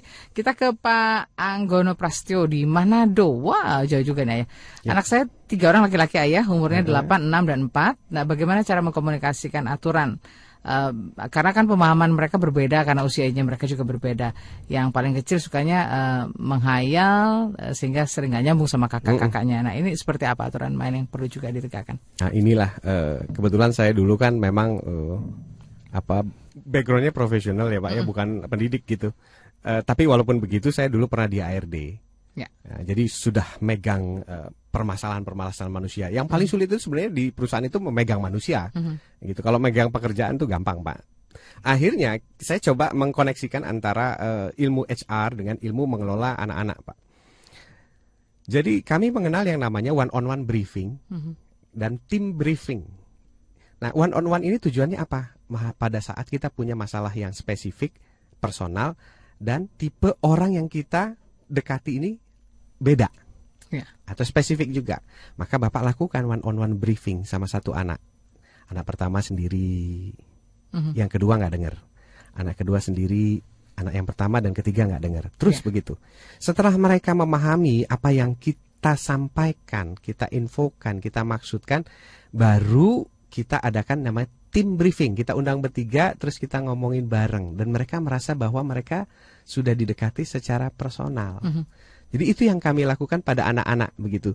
Jadi kalau ada sesuatu yang kira-kira kakaknya nggak perlu dengar, saya akan ajak adiknya saja. Misalnya begini, dalam memuji ya. Ya. Saya selalu bilang begini, Dek sini Dek, ayah mau ngomong sama Dedek.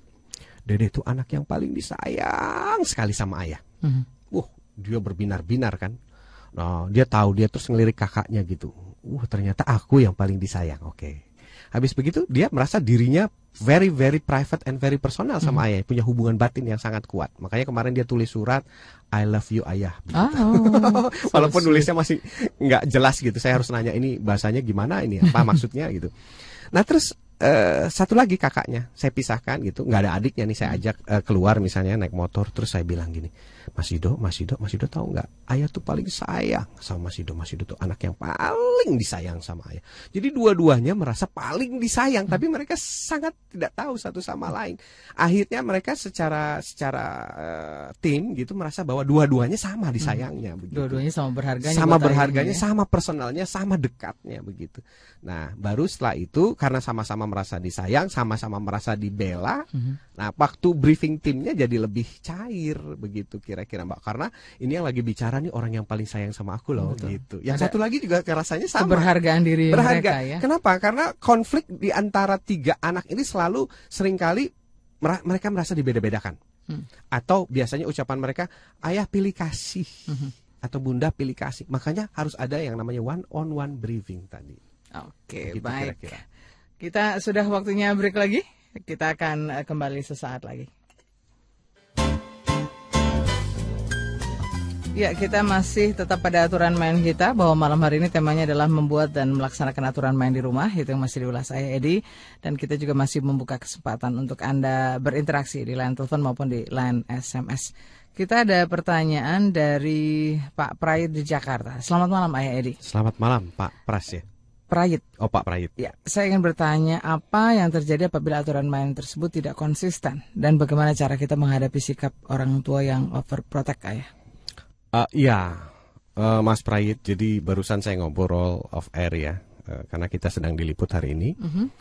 Eh, ada satu hal yang perlu kami sampaikan bahwa aturan main itu berlaku pada semuanya, termasuk si pembuatnya. Ya. Gitu. Jadi tidak ada namanya diferensiasi, dispensasi gitu. Mhm. Jadi kalau satu misalnya tidak boleh lewat sana, ya semua tidak boleh lewat. Betul. Termasuk yang pembuat ini aturan Iya, tadi ayah. termasuk pembuat aturan. Makanya itu yang paling sulit yang sering ditanyakan anak saya gitu. Eh, ayah itu kok lampu merah dilanggar, Nak? Eh, ayah kenapa sih padahal itu eh, Pak polisi ya gitu yang pembuat aturan. Nah, itu saya yang bingung jawabnya itu. Makanya Oke. itu itu itu pusing saya kalau udah ditanya begitu. Iya ya nak, iya ya kenapa ya nak ya? Iya kenapa kok begitu nak? Sampai anak saya bilang yang mau jadi polisi nggak jadi polisi deh ayah gitu. This is a learning process buat kita semua, buat bangsa ini begitu. Bahwa kita nggak nyadar itu ditangkap langsung oleh anak-anak kita yang cerdasnya luar biasa. Dan orang tuanya sampai speechless nggak bisa jawab gitu. Even itu seorang ayah Edi. Nah, jadi eh, kami di rumah punya aturan main yang saya katakan bahwa siapa pun yang eh, pada saat ini ditetapkan maka ini mengikat semua yang ada di rumah, bunda, ayah. Jadi waktu saya berlaku eh, melakukan kesalahan misalnya eh, simpel saja aturan kami punya bangun pagi. Kalau yang nggak bangun pagi nggak boleh eh, setel TV, nggak boleh eh, main komputer, nggak boleh ini, nggak boleh ini. Ada syarat. Nah setiap pagi saya selalu anak saya, ayah bangun jam berapa? Kalau misalnya eh, jam sekian lewat, eh, oke berarti ayah hari ini nggak bisa gitu. Ini ge- terlibat begitu. Terus satu ketika saya pernah melakukan kesalahan apa ya? Saya lupa begitu lalai begitu. Anak saya bilang, "Ayah, ayah mau minta maaf atau mau masuk kamar mandi?" Ouch ya. Mm. Ayah mau minta maaf tapi karena Dedek pengen ayah masuk kamar mandi, ayah masuk kamar mandi, masuk saya ke kamar mandi. Mhm. Nah terus habis begitu sudah selesai ayah. Dia cuma ingin mengungkapkan bahwa peraturan ayahnya juga ternyata masuk kamar mandi gitu bisa Harus gitu. tetap ditegakkan. Harus iya harus bisa ditegak. Makanya dia respect sama saya begitu. Jadi setiap saya berkata-kata dia selalu respect kenapa? Karena aturan ini akan mengikut ayahnya juga. Jadi bundanya juga begitu. Mhm. Siapa pun yang salah dia akan bilang minta maaf atau apa gitu. Nah, konsistensi ini Pak yang akan menjadikan negara seperti Singapura begitu. Siapa pun yang melanggar, even Lee Kuan Yew yang menganggap eh, yang melanggar dia akan terkena konsekuensi. Nah, saya baru membaca di internet ada seorang Indonesia yang eh, tertangkap CCTV di sana, kemudian membuang sampah sembarangan, dipanggil, kemudian di penalti. Oh, didenda ya. Ya, itu rame. Saya bilang itu setelah Lee Kuan Yew lengser. Kalau dulu zaman Lee Kuan Yew itu orang ditangkap, ditahan, disuruh jadi tukang sampah selama dua minggu. Begitu ketatnya aturan begitu. Nah, pada saat aturan itu konsisten berlaku sama, mengikat ke semuanya, maka itu akan berjalan dengan baik dan kita akan menikmati suasana keluarga yang harmonis, yang saling respect, yang anak-anak kita itu merasa dirinya dihargai seperti ayahnya juga, seperti bundanya juga, seperti orang dewasa begitu. Sampai kemarin eh, Miss apa dari sekolah-sekolah kami berkunjung ke tempat, ya Allah anaknya ayah bisa ya begitu? Iya, Miss, kita kan eh why civic? what you say is what you get gitu. Jadi tidak ada eh, kamuflase di dalamnya. Tidak karena saya tampil di Smart FM lantas di rumah beda. Saya nggak bisa begitu dan miss-miss kami juga sepakat bahwa kita nggak akan melakukan itu. Makanya kita bisa mendapatkan itu, Miss. Nah, saya mempertahankan suasana ini. Mudah, paling tidak keluarga saya sendiri dan mudah-mudahan saya katakan sekolah kita juga, Miss. Nanti setelah sekolah kita mudah-mudahan sekolah lain. Setelah sekolah lain mudah-mudahan keluarga demi keluarga Indonesia seperti ini, Miss. Dan kita nggak perlu konsep yang berbelit, kita nggak perlu budget yang banyak. Itu akan otomatis Indonesia menjadi bagus sendiri kalau tiap keluarga, setiap hari satu keluarga, setiap hari satu keluarga melakukan ini dengan benar, begitu kira-kira. Dan ya itulah yang yang yang saya rasakan. Ya. Makanya saya selalu bilang parenting nikmat sekali Hmm. mendengarkannya saja nih sudah enak begitu apalagi melakukannya. Nah, apalagi nanti men- menerima hasilnya ya, begitu ya. Ada anak yang mengungkapkan surat cinta ada yang cium ada yang peluk ada yang jemput aja nih. Kayak mas yang meliput kita nih. Eh, kadang-kadang kalau dia sudah eh, serak sama ayahnya itu ditungguin loh pulangnya. Pulang kita itu ditungguin. Gitu. Dan betapa hilang semua capek itu kalau yang nyambut anak ayah gitu ya. Nah kemarin ada yang bilang oh, apa namanya anak-anak kita kan kalau pulang biasanya cari bunda mana oh saya diam aja Oh, belum tahu dia anak saya ayah mana Eh, tergantung intensitas kita dan kecocokan kita sebenarnya dalam mendidik begitu kira-kira mbak Nancy Oke, dan itu sudah diterapkan komitmen ayah dan. Insya ya? Allah insya Allah akan selalu konsisten Oke, kita lanjut lagi. Sekarang kita ke Eva. Ini usianya 19 tahun. Selamat malam Ayah Edi. Em, saya mohon bantuan ini. Bagaimana saya menemukan dream saya karena saya tidak suka kuliah, tidak tahu tujuan hidup saya. Saya pernah mencoba usia berbicara berapa ya Eva 19 tahun. Oke. Pernah bicara pada orang tua untuk berhenti kuliah, tapi orang tua menolak dan mengharuskan saya melanjutkan. Tetapi saya merasa stres dan tertekan. Saya ingin eh, mengejar dream saya. Nah, menurut ayah, eh, saya, haruskah saya bertahan atau berhenti menemukan dream saya? Nah, ini mungkin di mana letak aturan main yang mungkin belum dijalankan ayah? Eh, mungkin kalau saya ada waktu, kamu bisa menghubungi manajemen Ayah Edi. Alamatnya di www.ayahkita.com untuk kita konsultasi one on one. Bilang sama mama kamu, aku perlu konsultasi. Tapi setidaknya melalui Smart FM ini saya akan memberikan semacam pandangan ya bahwa setiap manusia itu diberikan dreams oleh Tuhannya dan setiap anak itu eh, seharusnya dididik berdasarkan keinginan Tuhannya, bukan berdasarkan keinginan orang tuanya. Kenapa? Kita hadir di bumi ini bukan untuk bermain, bukan untuk sia-sia, tapi menjalankan sebuah misi. Dari mana kita tahu misi itu? Ada dua yang bisa kita lakukan. Yang pertama adalah masuk ke dalam gelombang alfa theta. Itu terjadinya pada saat kita menjelang tidur, Eva. Jadi setiap menjelang tidur kamu masuk ke alfa theta itu waktu matanya muter-muter sudah ngantuk. Nah, kamu coba ingat-ingat kembali dreams kamu apa? Dreams terbesar kamu apa? Jadi kalau misalnya dulu John F Kennedy dreamsnya adalah send people to the moon, mengirim manusia ke bulan. Even presidennya sudah meninggal, ditembak mati, mimpinya tetap Terwujud ya. terwujud. Apalagi mimpi kamu ya. Nah satu itu. Terus kedua, kalau ada konflik antara orang tua dengan kamu, ma- maka kita lakukan rekonsiliasi. Apa sih konsepsi hidup ini? Apakah saya harus mengikuti Anda? Apa berapa lama Anda akan mendampingi saya begitu? Nah, apakah Anda bahagia jika melihat saya menderita? Kan itu penting itu. Banyak anak-anak itu menderita karena mengikuti keinginan orang tuanya. Untuk menyenangkan orang tuanya. Tugas kita bukan menyenangkan orang tua. Tugas kita adalah membuat diri bahagia. Dan kalau kita bahagia, kita akan berusaha membahagiakan orang lain. Itu rumusnya. Jadi saya sering eh, apa briefing orang tua, saya change cara berpikirnya adalah bahwa bukan memaksakan kehendak tapi berikan keleluasaan buat anak kita bahagia nanti dia akan bayar itu semua dengan kebahagiaan ke kita gitu jadi kalau anak yang dipaksa-paksa biasanya semakin jauh itu dari orang Jadi tua jangan sebaliknya ya. ya. Nah, kita mengerti Iya, potensinya. nanti baru kita bicara tentang step to step apakah ini fake dream atau real dream. Karena ada fake dream. Fake dream itu pengaruh dari luar. Suka bola, padahal belum tentu dia suka bola karena semuanya lingkungannya bicara tentang bola, gamenya bola, sekolahnya olahraganya bola. So the real dreamnya itu apa? Kita ambil langsung dari God mission. Kira-kira begitu Mbak Nancy. Baik, semoga menjawab untuk Eva dan nanti bisa cari waktu ya untuk diskusi dengan ayah. Kita ke penelpon sudah ada dua nih ya. yang Boleh, dari kita. silakan. Selamat malam, Smart FM. Assalamualaikum. Salam dari Selamat si- malam. Dari siapa di mana Ibu? Dari Yeti. Ibu? Bu, Ibu Yeti dari Ibu Bekasi. Ibu Yeti Bekasi. Silakan Ibu. Iya. Assalamualaikum. Waalaikumsalam Ibu Selamat Yeti. malam, Ayah. Selamat malam. Ini ayah, saya penggemar ayah nih, nggak pernah ketinggalan. Cuma jarang bertanya sih ayah, baru dulu aja sekali kalau nggak salah. Hmm. Iya ayah, ini ayah. Nanti kan tanggal 14 April tuh ada seminar ayah ini ya Al Ajar Bekasi. Oh iya, ngadain. 14 April ada seminar di Bekasi, iya, betul, iya. betul. Kebetulan anak saya kan eh, alumni dari sana dan Iya. masih ada yang kecil ayah kelas 5. Mm-mm. Begini ayah, saya kan seorang single parent nih ayah, baru Iya. dua tahun ini gitu.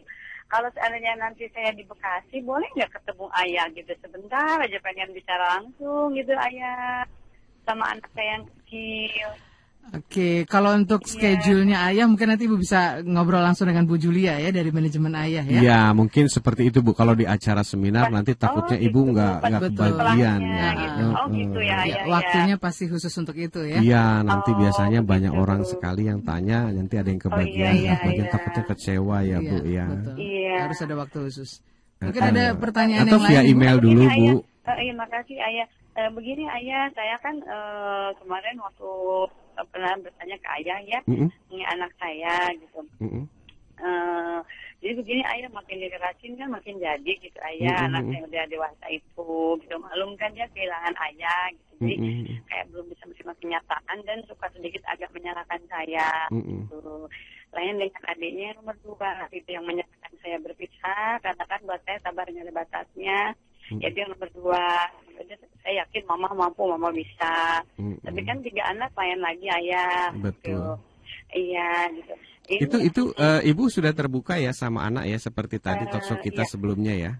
eh, saya terbuka ayah Melibatkan. dulu, melibatkan Pada anak. saat mengambil keputusan divorce juga melibatkan. Iya, karena eh, buat saya kan eh, apa istilahnya eh, orang berbuat salah kan kalau berulang-ulang saya selalu maafkan. Cuman Ah. anak yang berdua tuh cowok ayah, sekarang teknik sipil di alhamdulillah sih di unsur gitu ayah baru masuk gitu. Nah dia yang menyarankan saya udah saya, saya yakin mampu mampu mau bisa. Heeh. Cuman yang nomor satu ini ya eh, kalau misalnya ada sesuatu yang nggak saya nggak sesuai saya saya bicara dia suka oh saya menyalahkan saya gitu ayah iya gitu jadi kalau makin dikerasin makin jadi ini anak ayah Iya. Dan baik Usia berapa itu Bu ya anaknya? usia dua satu ayah 21 tahun ya. Baik. iya Oke. kayak Baik, Ibu. menerima kenyataan Mhm. tapi saya juga harus bisa menjembatani maksudnya kalau saya minta pihak ketiga ayah misalnya Mhm. ayah segani itu gimana ya ayah baiknya gitu Iya. Baik Ibu. Terima kasih Bu Iya. Yeti. Nanti kita akan diskusikan. Ya, terima kasih Ya, kembali selamat Ibu. malam. Waalaikumsalam. Waalaikumsalam Kita ke penelpon berikut. Halo, selamat malam. malam Malam. Ya, selamat malam dari siapa di mana Pak? Dari Pak Taufik. Oke, Pak, boleh langsung ke pertanyaannya? Oke, Assalamualaikum Ayah. Waalaikumsalam Pak Taufik. Terima kasih doanya. Amin. ayah ini Ayah mau nanya. Saya kan sementara ini kan sudah terpisah sama Fayaz karena Taufik sekarang kan saya di tempat yang baru Ayah. Oh di Bukit ya? Ah, ah. Oke terus? Pertanyaannya Ayah, pertama apakah figur itu mempengaruhi terhadap Ananda Fayaz Heeh. terhadap keberlakuan satu aturan? Nah, misalnya. Atau apa? Nah gini, sekarang itu berapa hari terakhir ini saya dapat info dari Bunda. Heeh. Pas itu kadang aturan mulai ditabraknya. Ah, oke. Misalnya tidak mau sholat, Oke. misalnya apalagi mem- mengganggu adik akilanya Iya. dipukulnya atau apa. Mis-misnya juga demikian berkata. Atau atau masalah figur atau ini perlawanan atau pemberontakan saya terhadap kondisi karena terpisah dengan saya. Karena di- tadi ada proses apa di sekolah, di start bundanya cerita. Hmm. Tapi informasi dari Miss katanya Fayaz bicara, aku tidak punya ayah, ayahku sudah pergi. Jadi aku cuma Hmm. sayang sama bunda, sama dede Akila, Oke. dan sama Budi yang nemenin bunda di Medan ayah. Iya, Terima kasih ayah. Terima kasih terima kembali. Pak Selamat malam. Taufik. Waalaikumsalam. Kita akan eh, jawab pertanyaan Bu Yeti dan juga Pak Taufik tentunya selepas eh, informasi berikut ini. Ayah Edi masih kembali untuk Anda dan kita jadi eh, kita tadi juga punya dua pertanyaan yang belum sempat kita eh, jawab dari Bu Yeti di Bekasi dan juga Pak Taufik di Medan. Nah, gimana nih Ayah menyikapi eh, apa yang sedang terjadi di keluarga Bu Yeti? Silahkan Ayah. Eh, begini ya Bu Yeti ya, saya tidak tahu mungkin pengalaman saya eh, bercerita tentang kalau kita benar-benar melibatkan anak dalam pengambilan keputusan, biasanya anak itu nggak komplain, biasanya ya. Tapi kalau anak itu komplain, ada kemungkinan kita tidak tidak totalitas dalam melibatkannya. Misalnya begini, dulu ada klien saya, eh, dia tidak cocok sama suaminya, eh, sampai pada sisi kritis eh, akan divorce. Kemudian datang ke saya, anaknya tuh umur 7 tahun padahal, 7 tahun ya anaknya, 7 tahun tuh SD ya mbak. Minta saran, apakah anak saya diberitahu Mhm. atau nanti saja diberitahunya? Nah, terus saran saya adalah libatkan anak mulai sekarang juga. Maksudnya libatkan, ya totalitas ceritakan konflik yang terjadi seperti apa awalnya, bagaimana, kenapa sampai kritis dan sebagainya. Totalitas eh, disampaikan setahap demi setahap setiap malam menjelang tidur. Eh, kalau ini dia ceritakan. Tapi saya katakan ingat, ceritanya harus benar-benar netral dan tidak memihak. Ya. Jangan merasa kita yang benar karena anak itu akan menyorot dari dua sisi. Kalau dia sudah eh, melihat bahwa orang tuanya mencerita tentang oh, briefingnya bahwa saya yang benar, saya yang benar, sebenarnya dia bilang ini ibu saya nih masalahnya ada di ibu gitu. Tapi kalau kita netral, dia justru lebih eh, melihat masalah itu jernih gitu, bahwa ibu kita sebenarnya berusaha untuk lebih baik. Akhirnya eh, si klien saya ini cerita bahwa setelah dilibatkan itu anaknya mulai memberikan advice. Kalau gitu mami begini dong sama papi. Terus coba saya terus bilang sama saya, gimana ayah? Coba ikutin semua saran anak ibu, ikutin terus. Upayakan dia melihat bahwa ibu mau melakukan perbuatan baik. Mhm. Punya niat baik untuk reconcile. Setelah sekian waktu saya lupa ya setahun entah dua tahun dari sejak ketemu saya dilakukan itu semua sampai akhirnya tetap divorce. Tapi begitu eh, report sama saya apa yang terjadi si ibu ini cerita. Divorce itu atas persetujuan anak saya mana anak saya yang tujuh tahun itu bilang gini, memang papa nggak bisa diubah mah. Kita nggak perlu punya papa deh. Mhm. Biar aku saja yang gantiin papa ya Maya. Gitu. Anak kecil mbak bisa bicara seperti itu dan ibunya sampai nangis. Ayah, thanks God, thanks God. Jadi sekarang mereka berdua itu like a team. Anaknya sangat terlibat terhadap emosional dan semua permasalahan orang tuanya. Jadi nggak pernah komplain karena yang memutuskan untuk divorce itu bukan ibunya ternyata anaknya yang tadi sudah dilibatkan. Dia melihat bahwa ibunya mau kok punya itikat baik, disaranin begini dijalanin, saranin begini terus dia melihat kan secara netral. Oh ternyata memang problemnya bukan di ibu gitu. Nah akhirnya itu terjadi. Kita tidak bisa menghindari itu semua. That's a learning process gitu bahwa divorce is a learning process. Tapi ada hal baik yang kita bisa tangkap di sana bahwa kita sedang mengajari bahwa hey, this is learning processan gitu. Anak kita kita ajari dan ini adalah decision making, proses-proses pengambilan keputusan. Eh, saya eh, eh, mencoba meraba ya bahwa ada satu anak yang merasa dirinya tidak dilibatkan penuh dalam proses ini sehingga pada akhirnya keputusan itu bukan dia yang ngambil secara bersama-sama tapi ibunya atau dengan siapa yang mengambil. Sehingga waktu sekarang ini dijadikan itu sebagai eh, legitimasi untuk dia melakukan komplain dan sebagainya. Karena kalau keputusan itu diambil secara aklamasi bersama dengan anak-anak saya yakin tidak ada tidak ada komplain. Kan kita tinggal bilang "Eh, ini keputusan kita loh kita ya. We are not I am gitu ya. Kira-kira seperti itu. Dan teknis penghandling apa handling personalnya ya. Tadi ibu baru berkata bahwa kalau dikerasin keras ya kita bicara hari ini tentang aturan main. Apakah ibu punya aturan main? Hmm. apakah ibu telah melakukannya detail? Apakah itu sudah step-stepnya dijalankan Nah kalau kita hanya main keras ya jelas anak kita makin keras apalagi sekarang udah 21 orang anak kecil aja bisa keras kok. So kembalilah kepada tadi talkshow kita nanti kalau ibu ingin dengarkan lagi coba perhatikan baik-baik hari Sabtu nanti ya dengarkan ulang gitu. Coba terapkan aturan main buat kesepakatan bersama anak berlaku terhadap kita mengikat semuanya. Insya Allah nanti peran-peran eh, anak kita akan tahu bagaimana caranya berbuat baik di rumah. Orang bilang anakku nakal, anakku ini, anakku itu, anakku semua yang dilihat jelek. Padahal dia lupa bahwa saya nggak pernah bikin aturan main sehingga anak saya nggak tahu bagaimana caranya tertib. Ya.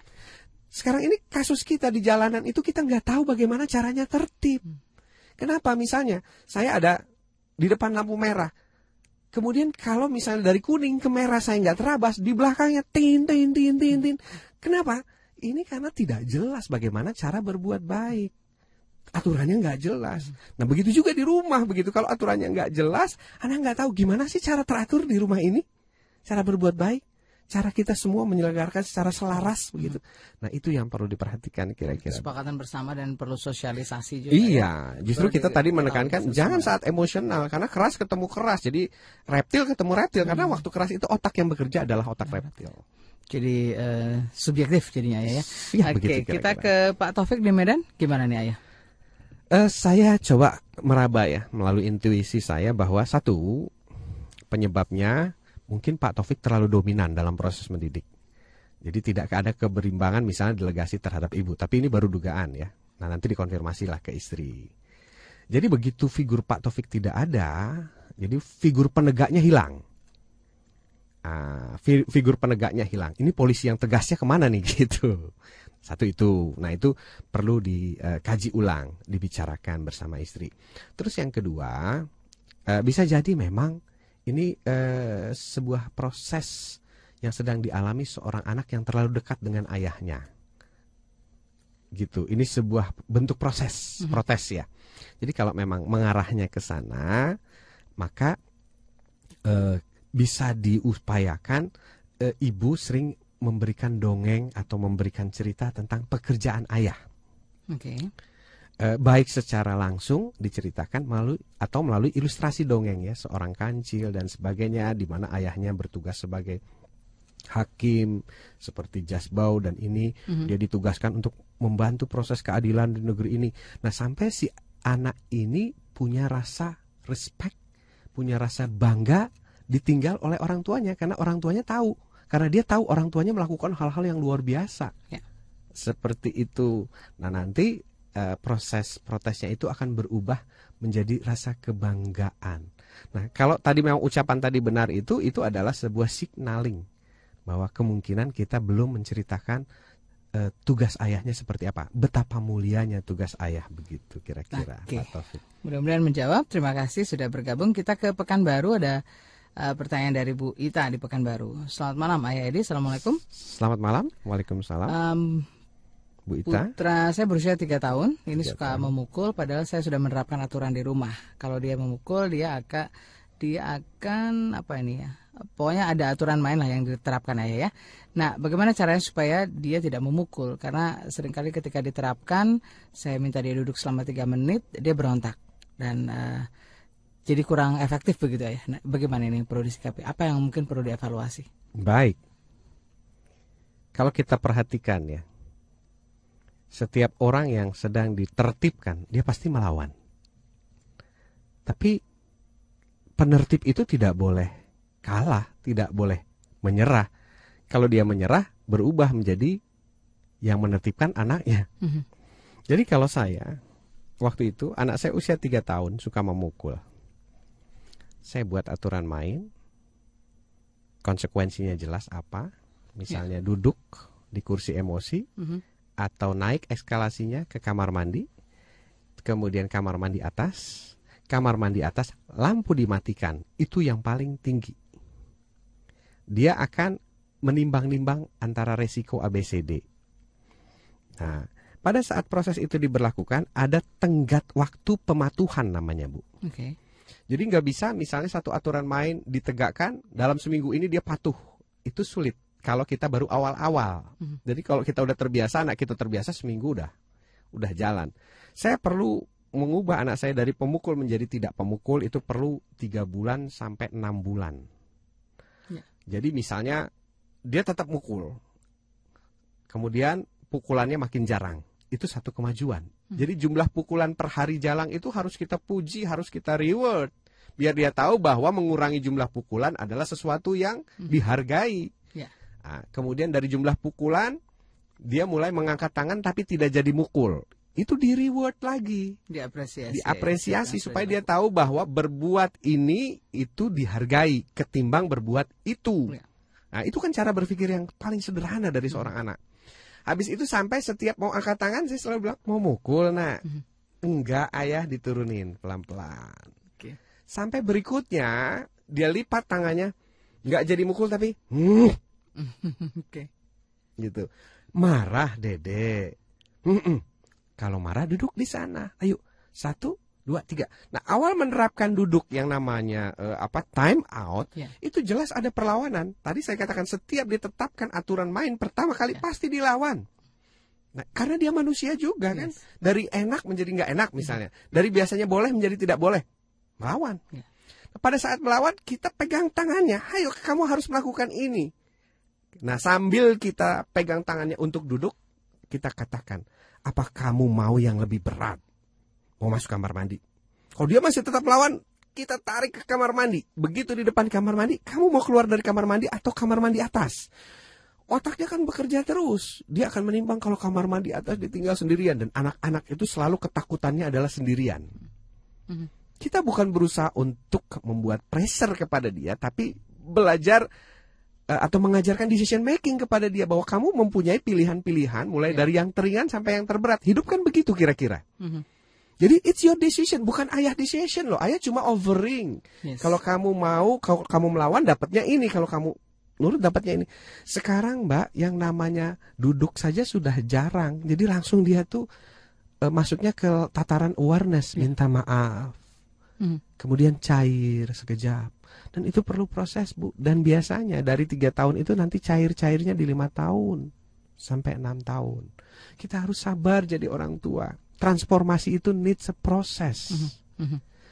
Setiap ada perbuatan baik, perubahan baik dari anak kita, puji. Itu kuncinya, puji. Supaya dia tahu, oh kalau saya melakukan ini, it's rewarded. Daripada saya melakukan itu. Jadi prosesnya bukan hanya pada tataran alam sadar, tapi alam bawah sadar itu ya. Persis. Karena itu nanti yang akan Kenapa Dia sering kali penegakan aturan itu gagal? Karena orang tua lebih, eh awas. Mhm. Eh, jadi setelah kejadian baru ditegur dan emosi. Mhm. Nah, rumusnya adalah sebelum kejadian kita sudah ingatkan. Dedek mau pukul. Mhm. Kan ingatkan ya. Oke. Nah, ingatkan konsekuensi. Jadi nggak jadi mukul, bukan Hmm. mukul terus dimarahi begitu. Baik, saya udah diingetin Mas Bowo. Dulu ya. Daripada Baik, saya silakan. dipukul sama Mas Bowo enggak ya. Ini aturan main juga harus tetap ditegakkan. Kami akan segera kembali.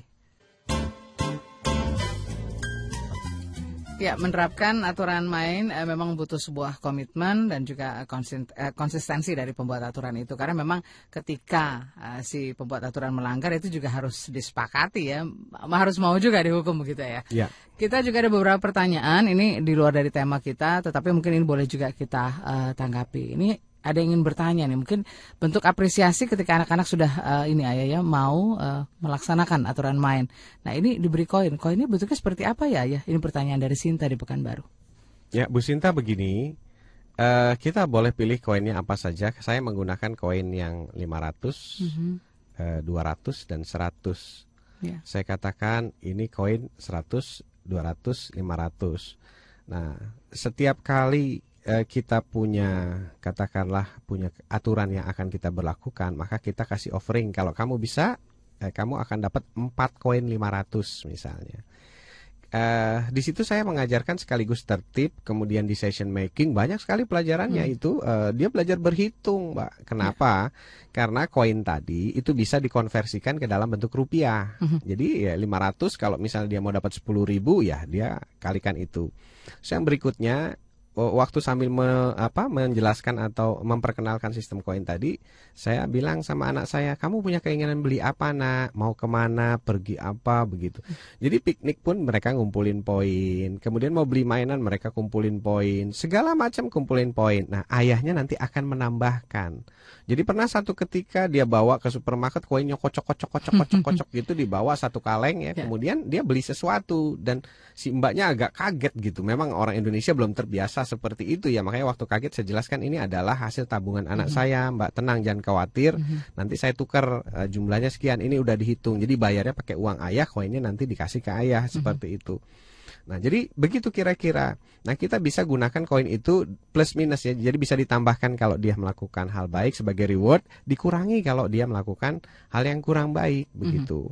Jadi sederhana eh, penggunaan itu banyak sekali yang dipelajari. Anak saya itu tahu konversi koin, tahu uang, uang merah, uang Wah, ungu, kalau uang jadi biru. bankir keren banget itu.